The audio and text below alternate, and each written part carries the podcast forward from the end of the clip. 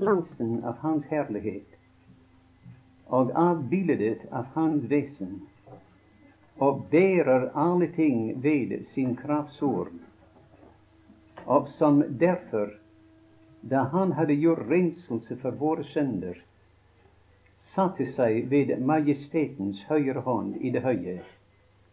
Det er minst fire forskjellige måter på hvilken vi kan lese hebreerbrevet på. Og uten dog er disse fire forskjellige måter motsier hverandre. Den, den første måte er at hebreerbrevet er det brev i Det nye testamentet som åpner himmelen for oss. Altså som åpner himmelen som himmelen er nå i den nærværende tid. Og som leder våre hjerter, leder oss i ånden inn i himmelen og leder oss til disse mange herligheter, herligheter som aldri før var hørt om. Og vi finner, når vi er ledet inn i himmelen gjennom dette deilige, vidunderlige brev her, da finner vi at alle våre virkelige interesser er i himmelen. I Det gamle testamentet vi leser i det sjette kapittel i Isaias, at profeten så inn i himmelen. Det var en meget alvorlig tid den gangen for profeten. Til Den, vi leser at i det år at kong Uzias døde, så jeg Herren høyt opphøyet, sittende på en trone. At denne konge var Israels aller beste konge, eller Judas beste konge etter David. Det hadde aldri vært en så gudfryktig og eh, god konge som Uzias var.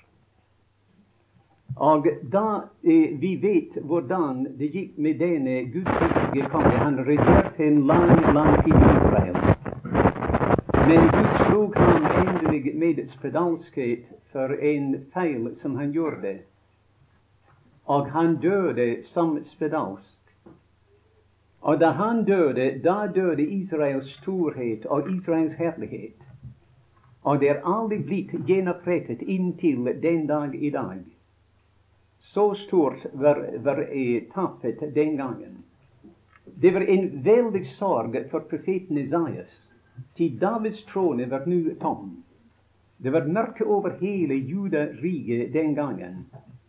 Og nettopp da åpnet Gud sin verden av herlighet. Og den første ting som, eh, som Isaiah så der, var en trone. Og det var en som satt på den trone, en trone som ikke var tom, altså. Og det var en som satt på den trone, høyt opphøyet. Av så vidunderlig, av så herlig var Herren som han er fremstilt der at disse høyeste av himmelens og herlighetens vesener, seraferne, hver med seks vinger, altså, og det ledet himmelens tilbedelse og himmelens pris til ham som satt på tronen. Han så inn altså i den herlighet, den helligdom som ikke var gjort med hender. Og han så Herren sittende der på en trone. Og han hørte hvordan disse serafer ledet tilbedelsen til denne personen som satt da på tronen.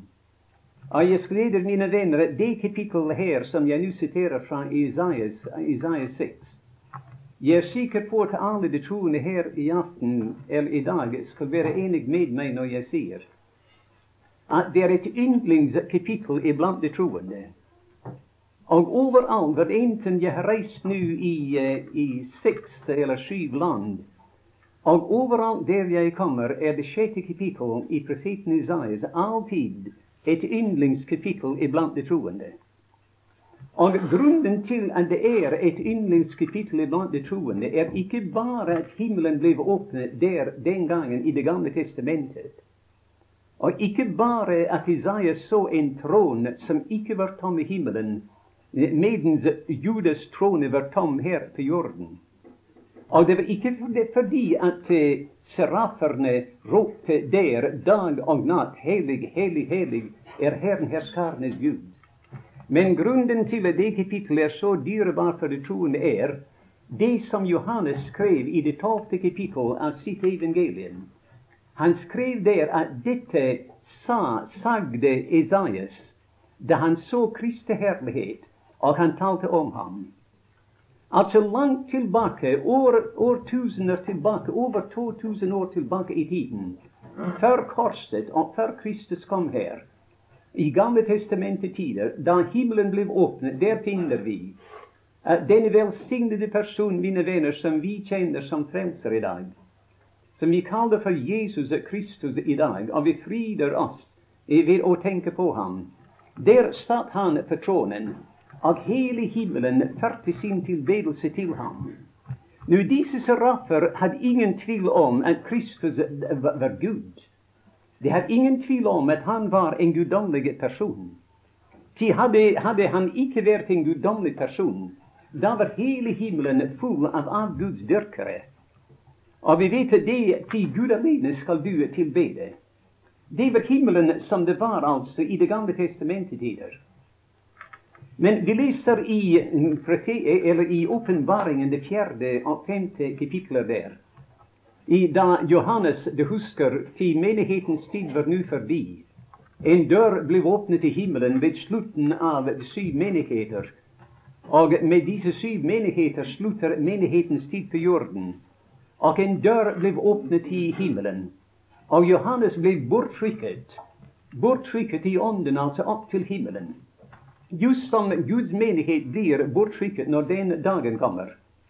Og den første ting som profeten som Johannes så den dagen, var han så en trone som var satt i himmelen.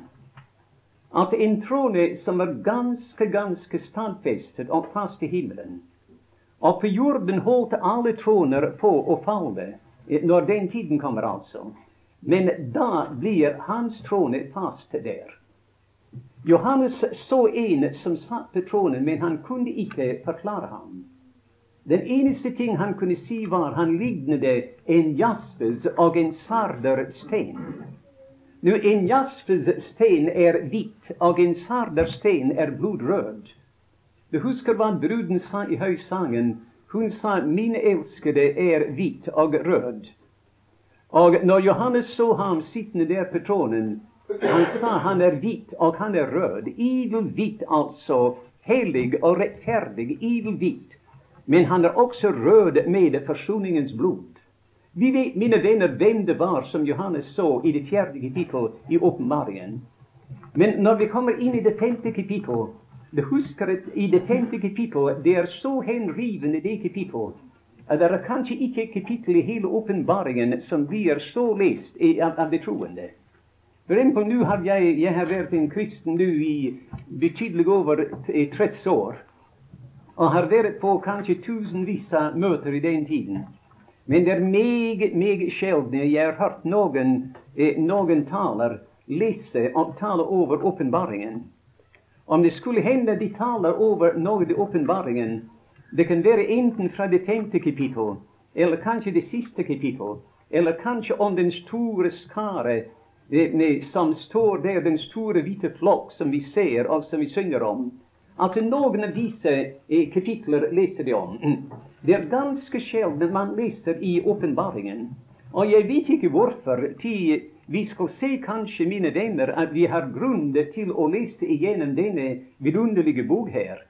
Den eneste bok i Bibelen som forteller oss, og forteller oss med sikkerhet, om vår fortid, vår nutid og vår fremtid. Nå vel, Da Johannes eh, kom inn, da Johannes eh, ble fremstilt der for tronen i det femte kapittel, da du husker hvor alvorlig det var. Det var spenthet i himmelen den gangen. Hele himmelens herskare ventet spent. Til han som satt på tronen, hadde en bok i sin hånd. Og spørsmålet gikk ut over hele universet. Hvem er verdig til å, å, å ta boken og åpne seilene på den? Nu, Den boken var ikke dommens bok, som vi somme tider tenker. Den boken var skjødet på eiendommen. Riket skulle nå opprettes over hele verden. Det endelige riket, altså. Satan skulle få sitt endelige nederlag. Og nå var spørsmålet hvem er verdig? Altså, hvem har rett til å rekke sin hånd ut og ta i bogen og ta skjødet altså på eiendommen? Og legge kravet på eiendommen. Og det var stillhet i himmelen, mine venner. Iallfall det var ingen som svarte. Og Johannes gråt. Det var, jeg antar det var absolutt stillhet der eh, de, de øyeblikker, eller den tiden, da de ventet på et svar. Og da leser vi at midt mellom tronen og, eh, og de 24 eldste og de fire livsvesener stod et lam.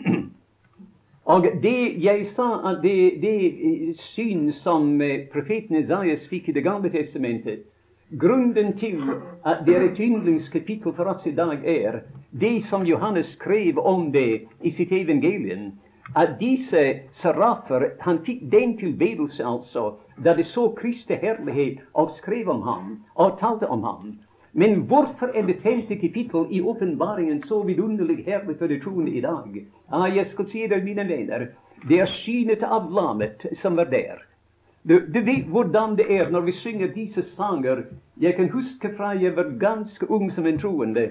Og de sanger som mest tiltalte meg, mest influerte meg, var sanger som talte om det slaktede land.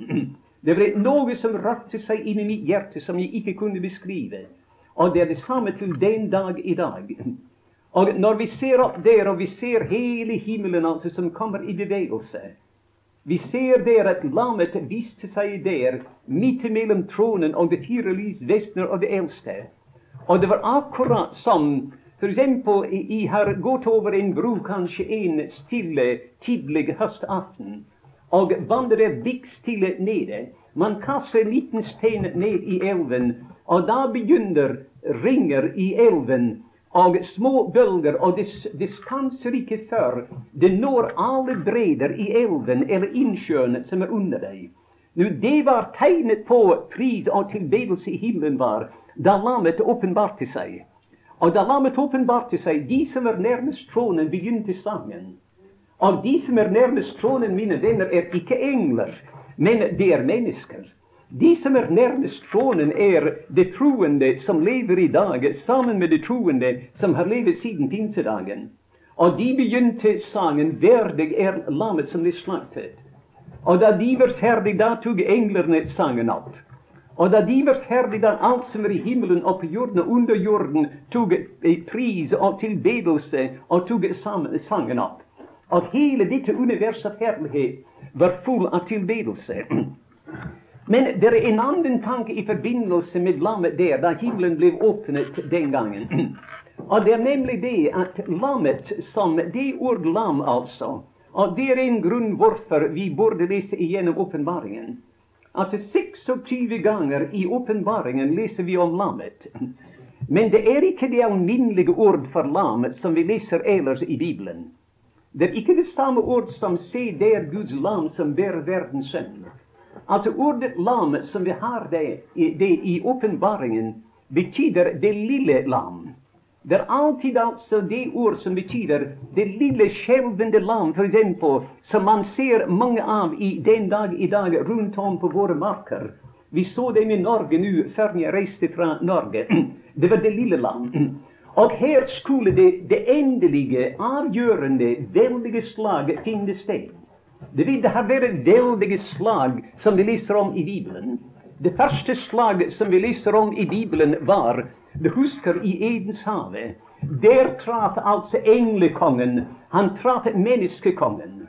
Altså Satan traff, traff Adam der. Adam var opprettet og kronet som konge over skapelsen. Og Satan sa den gang 'Jeg skal ikke gi slipp på min eiendom og mitt rike så lett som det'. Og det var et slag, et veldig slag, mine venner, i Edens hage.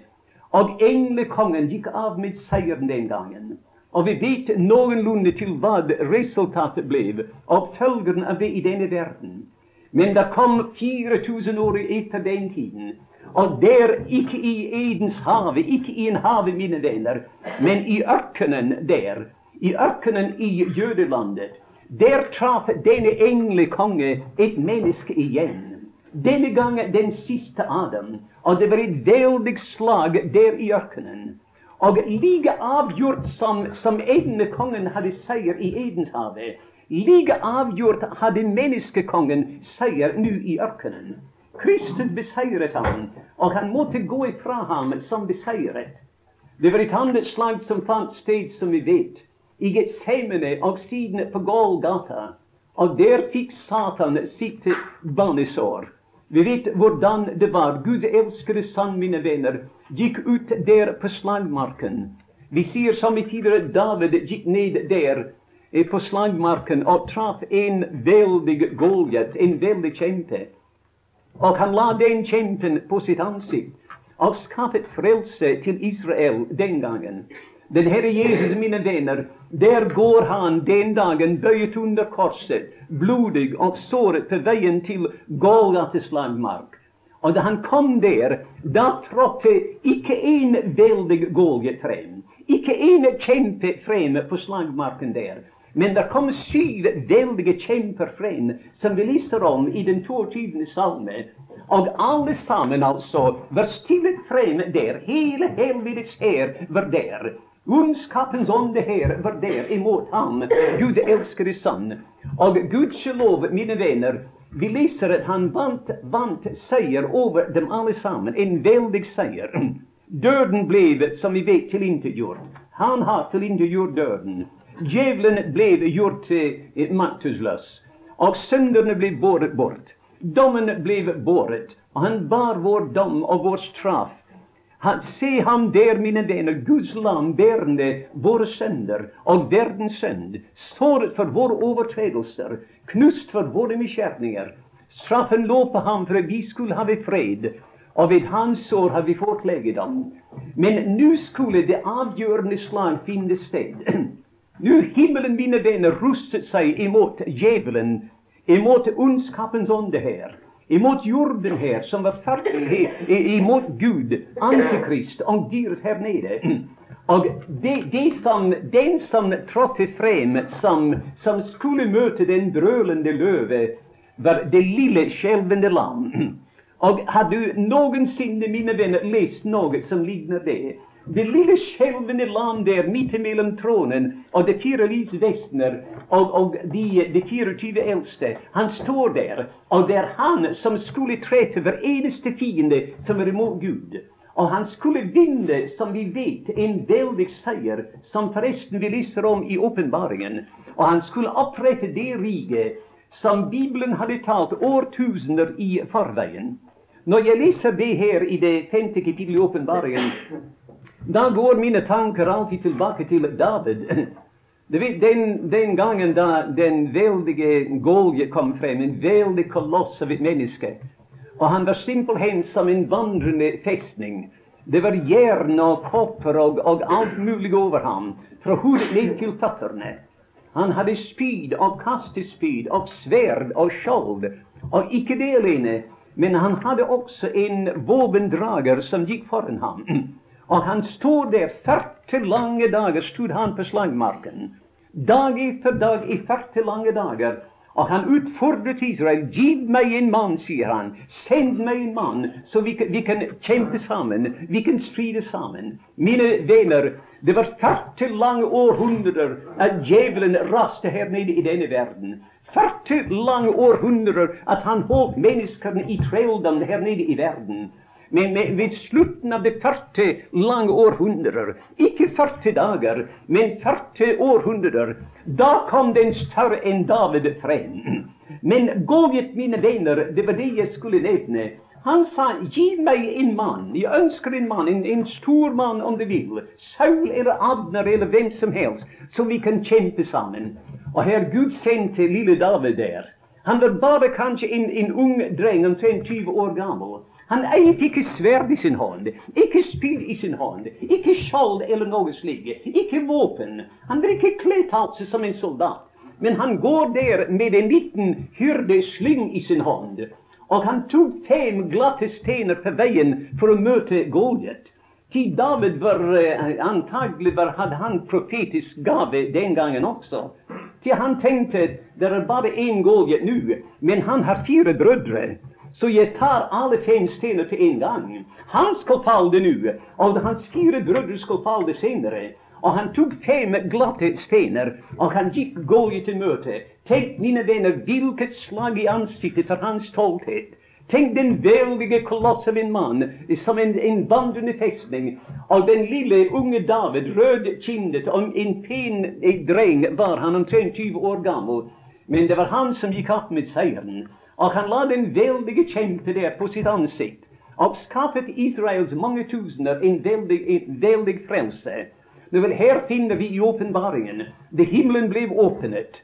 Og, og, vi ser inn gjennom himmelens åpne dør. Og vi kan lytte, mine venner. Vi kan nesten høre den sang som kommer ned ovenfra. Verdig er lammet som blir slaktet. Ikke mektig er lammet. Ikke stort er, er han. Ikke allmektig er han. Men eh, verdig er han. Han har rett til den bogen. Og han skal ta bogen, og han skal føre alt frem til seier. Og det er navnet på lammet, altså som fyller våre hjerter med sådan glede når vi leser det kapittel. Men i hebreierbrevet er det ikke, er det ikke himmelen i fortiden som, som profeten Isaiah så det. Og det er ikke himmelen i fremtiden som Johannes så det. Og du og jeg skal være der en gang. Men det er himmelen i den nærværende tid. Det er himmelen, mine venner, som den er nå, åpen for våre hjerter. Og Den hellige ånd gjennom dette brev her ønsker å føre oss inn der, i ånden, inn i selve himmelen. Og føre oss gjennom disse nådens herligheter. Ikke som det var da Isaiah så det, eller som det skal være, men i den nærværende tid. Og alt som vi ser der, altså, er, er, vår, er, er, beregnet på å interessere våre hjerter. Du husker den gangen da, da Jesus var her nede i verden, i det 17. kapittel av Johannes evangelium at det aller helligste i Johannes evangelium La meg si at det Johannes evangelium er skrevet på den måten. De første tolv kapitler er like som forgården til tabernaklet. Og det, fra det 13. til det 16. kapittel er helligdommen. Kristus talte sine siste ord til menneskene, altså i forgården. Det siste verset av det tolvte kapittel var det siste ord han talte til denne verden her. Og da tok han sine egne avsides, de som var i verden, og som han elsket inntil enden. Og han tok dem avsides opp til den lille sal der, der det hadde sitt tilhold. Og han talte disse ubeskrivelige, herlige ord. Og tenk, mine venner, som han satt der og talte i min Faders hus eller mange rom som han sa til disse gråtende disipler, eders hjerte forferdes ikke. I tror på Gud, tro også på meg. I min Faders hus er det mange rom. Og han talte disse dyrebare sannheter. Og jeg kan tenke at som han talte disse livsalige ord, det var nedbøyet der i hans nærværelse. De forsto ikke alt som han sa. De gråt der fordi han skulle gå ifra dem. Men mine venner, da han var ferdig med å tale til dem, han vender seg fra dem, og han løfter sine øyne til himmelen, og han sa, Fader, Fader, jeg har fullbyrdet den gjerning som du gav meg å gjøre. Og jeg har full, nå fremstiller jeg mine gjerninger for deg. Og jeg ønsker å få den belønning som tilkommer meg.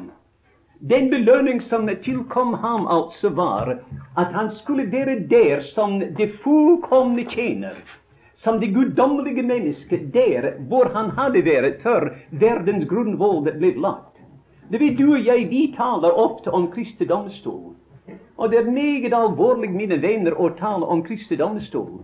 Meget alvorlig å tenke at du og jeg skal fremstilles der en gang. At våre gjerninger, alt vi har gjort her nede som troende, skal stilles frem for tronen der. Det er meget alvorlig. Det samme det er nok til å få oss samme tider til å skjelve når vi tenker på det. Gudskjelov, mine venner, det har ingenting med våre sønder å gjøre, men det er med vårt liv og våre gjerninger å gjøre. Og det blir fremstilt der for å se om våre gjerninger skulle skape oss den belønning som vi kanskje gjerne ville ha. Jeg husker i Skien, da vi bodde der. Det var to eldre søstre der som gikk meget i rette med meg fordi jeg talte om belønninger og kroner og kranser. Og jeg sa jo, de sa du burde ikke arbeide for kroner og kranser og belønninger, men du skulle arbeide bare for Herren. Jo, sa jeg, jeg vil gjerne ha mange, mange kroner. Og vet I hva jeg skal gjøre med den når jeg får den? Jeg skal kaste den ned ved hans fatter og si, Herre, du er verdig, og ikke ditt hoved her. Nå vel, vi taler ofte om, om den alvorlige tid. Men den første som fremla, eller fremstilte sine gjerninger for tronen, var den Herre Jesus. Han løfter sine øyne til himmelen og sier, Min Fader, du gav meg en gjerning og fullbyrde da jeg kom inn i verden. Det var åtte ting som jeg skulle gjøre her nede, og nå har jeg gjort disse åtte forskjellige ting her nede. Og om du leser igjennom det kapittelet, skulle finne at disse åtte ting som han gjorde, var alt sammen gjort for deg og meg. Hver eneste en av oss. Og han sier nå, min Fader, her er det fremstilt for ditt siden. Nå, si meg, er jeg da verd den belønning som du har lovet meg? Jeg venter det. Si meg, mine venner, har Kristus fått den belønning? Har han fått den belønning, den herlighet hos Faderen som han hadde før verdens grunnlov ble lagt? Jeg skal si det at hebreerbrevet forteller oss at han har fått den belønning. Det første kapittel begynner med, altså, som vi allerede har lest, begynner med at han som var den siste av alle som talte fra Gud, og han var satt til arving over alle ting, og han var skaperen av alle ting at han var avglansen av Guds herlighet og avbildet av hans vesen og oppbeholderen av alle ting her nede ved sin kraftsord, at han gjorde renselse for våre sønder. han steg rett fra korset, og han satte seg på tronen. Det, det viser, mine venner, at han har fått svar på sin bønn. Og de gjerninger som han fullbyrdet her nede i denne verden, var slik i Faderens øyne at Faderen, som vi sa, tror jeg, i går Faderen sa til ham, min sønn, du har så forherliget meg på den måten du gjorde arbeidet. Så forherliget meg på den måten du fjernet disse sønder' og, og brakt ære og herlighet til meg. Sett deg ved min høyre hånd inntil jeg gjør dine fiender til skammel for dine føtter. Og han satte seg, mine venner det, det, merkelige er i det tredje vers i det kapittel som jeg leste Det fins ingenting talt der om de tre dager han lå i en grav. Og det er ingenting talt der om de 40 dager han vandret på jorden her. Men det bare han gjorde renselse for våre sønder, og han satte seg på majestetens høyre hånd i det høye. Altså Golgata var like helig som tronen. Golgata, mine venner, var like herlig som Guds trone er. Han steg fra korset og satte seg på tronen. I, i Salomos tempel i, kopperalteret var, var fem alen lang og fem alen bred. Det var en firkant. Og det aller helligste var fem alen langt og fem alen bred. Så om vi hadde tatt altså kopperalteret, som taler om korset, og satt opp i det aller helligste. Det ville ha fylt hele det aller helligste. Slik er det altså når vi ser i dette vers her. Han som var avglansen av Guds herlighet, og det var han. Se han der, mine venner, i det fjerde kapittel i Johannes evangelium. Disiplene kom tilbake. Han holdt på å tale med en sønderinne der, kvinnen fra Siker. En dårlig kvinne, altså, som hun var, som vi vet. Hadde hatt fem menn. Og den hun nå hadde, var ikke hennes mann. Og Kristus talte med denne kvinne.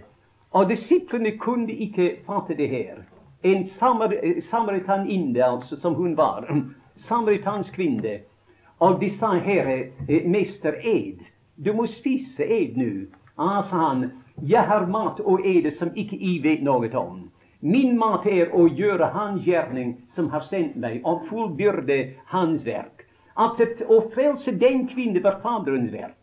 Å frelse den kvinne var det verk som Gud selv ville ha gjort, hadde han vært her nede i verden. Kristus gjorde altså Faderens verk. Han var avglansen av Hans herlighet. Den som har sett meg, har sett Faderen. Den som har sett meg gråte og medlidende over de døde, har sett Faderen. Den som har sett meg ta små børn i mine armer og velsigne dem, det har sett Faderen. Gjør av glansen av Hans herlighet. Gjør av bildet av Hans vesen her nede. Den som har sett meg i alle mine gjerninger, alle mine taler og alt som jeg har gjort, har sett Faderen. Han, det var derfor han kom her, mine venner. Men nå da han var ferdig, Da åpnet himmelen seg, og han for opp til himmelen. Og aldri hadde det vært så, et sådant øyeblikk i himmelen som det var den gangen. Vi leser, og jeg fryder meg til å gjøre det, altså disse tre deilige salmer sammen. Den 22., der vi leser om hans lidelser som på intet annet sted i Bibelen. Og da han var ferdig med den, da han kom ned til det 22. vers der, han sa, Fader, eller frels meg fra løvens gap og fra villoksenes horn. Løvens gap, det var djevelen. Villoksenes horn, det var døden. Frels meg fra løvens gap og fra villoksenes horn. Og da kommer det en tankestrek. Og den tankestrek betyr, mine venner, at det var en pause. Det var en, en, en pause, altså. En tid da ingenting ble talt. Og det var en pause. Det siste ting som salmen forteller oss, er at han ba til Gud der at han skulle reddes både fra døden og fra djevelen. Og da lå han tre dager i, i graven. Det var pausen. Og på den tredje dag, da sprengte han gravens porter og kom tilbake fra døden. Hva gjorde han, mine venner? Den første ting han tenkte på Jeg skal si det, Om du leser det 23. vers, skulle finne det. Han, han sier så snart han steg ut av graven, altså, jeg skal kunngjøre ditt navn for mine brødre. Han oppsøkte sine brødre her i denne verden, kom inn imellom dem, inn gjennom den lukkede døren, og han sang pris der, midt imellom brødrene. Og siden, mine venner, i det 24. salme, etter lidelsene er forbi, da kom hele himmelen i ekstas og i bevegelse. Og den ene skare sang til den andre, løfter eders hoder i porte, og løfter eder i evige dører, og la herlighetens kongedrage inn. Altså, det, de språk der er de som eh, Da David skrev det, da visste folk den gangen bedre enn vi vet i dag. Altså, da en stor konge kom f.eks. til en stad, portene var alltid lukket, altså. Men de som gikk forut for kongen, de ropte til dem som hadde ansvaret for porterne. Løfter er eders porte, løfter eders hode i porte, og åpne eder i, i, evige dører, og la kongen komme inn. Og nå var han på veien til herligheten. Og, og han steg høyere og høyere. Du husker da han forlot denne verden her. Han førte sine egne ut så langt som til Betania. Og fra Oljebjerget steg han. Og jeg tenker, mine venner, han så seg rundt omkring for siste gang som han forlot denne verden. Og der lå det tomme kors der, ikke langt ifra. Men det var tomt nå. Der lå tårnekronen ikke langt ifra det. Der var den tomme grav i den havet som var på det stedet der han ble korsfestet. Og der var fengselet, der befisket han til blodet. Han så alle disse ting rundt omkring seg, men han steg høyere og høyere. Hvem kan beskrive englenes glede og fryd som han steg nærmere og nærmere til himmelens port? Og som det åpnet porten der midt imellom himmelens pris og tilbedelse og sang. Hvem kan beskrive, mine venner, det øyeblikk? Da dette velsignede, men guddommelige mennesket trådte inn i Guds uskapte herlighet, trådte inn der der ikke noe menneskelig fot noensinne hadde vært, det lys som ingen kan nærme seg, det guddommelige, den guddommelige trone.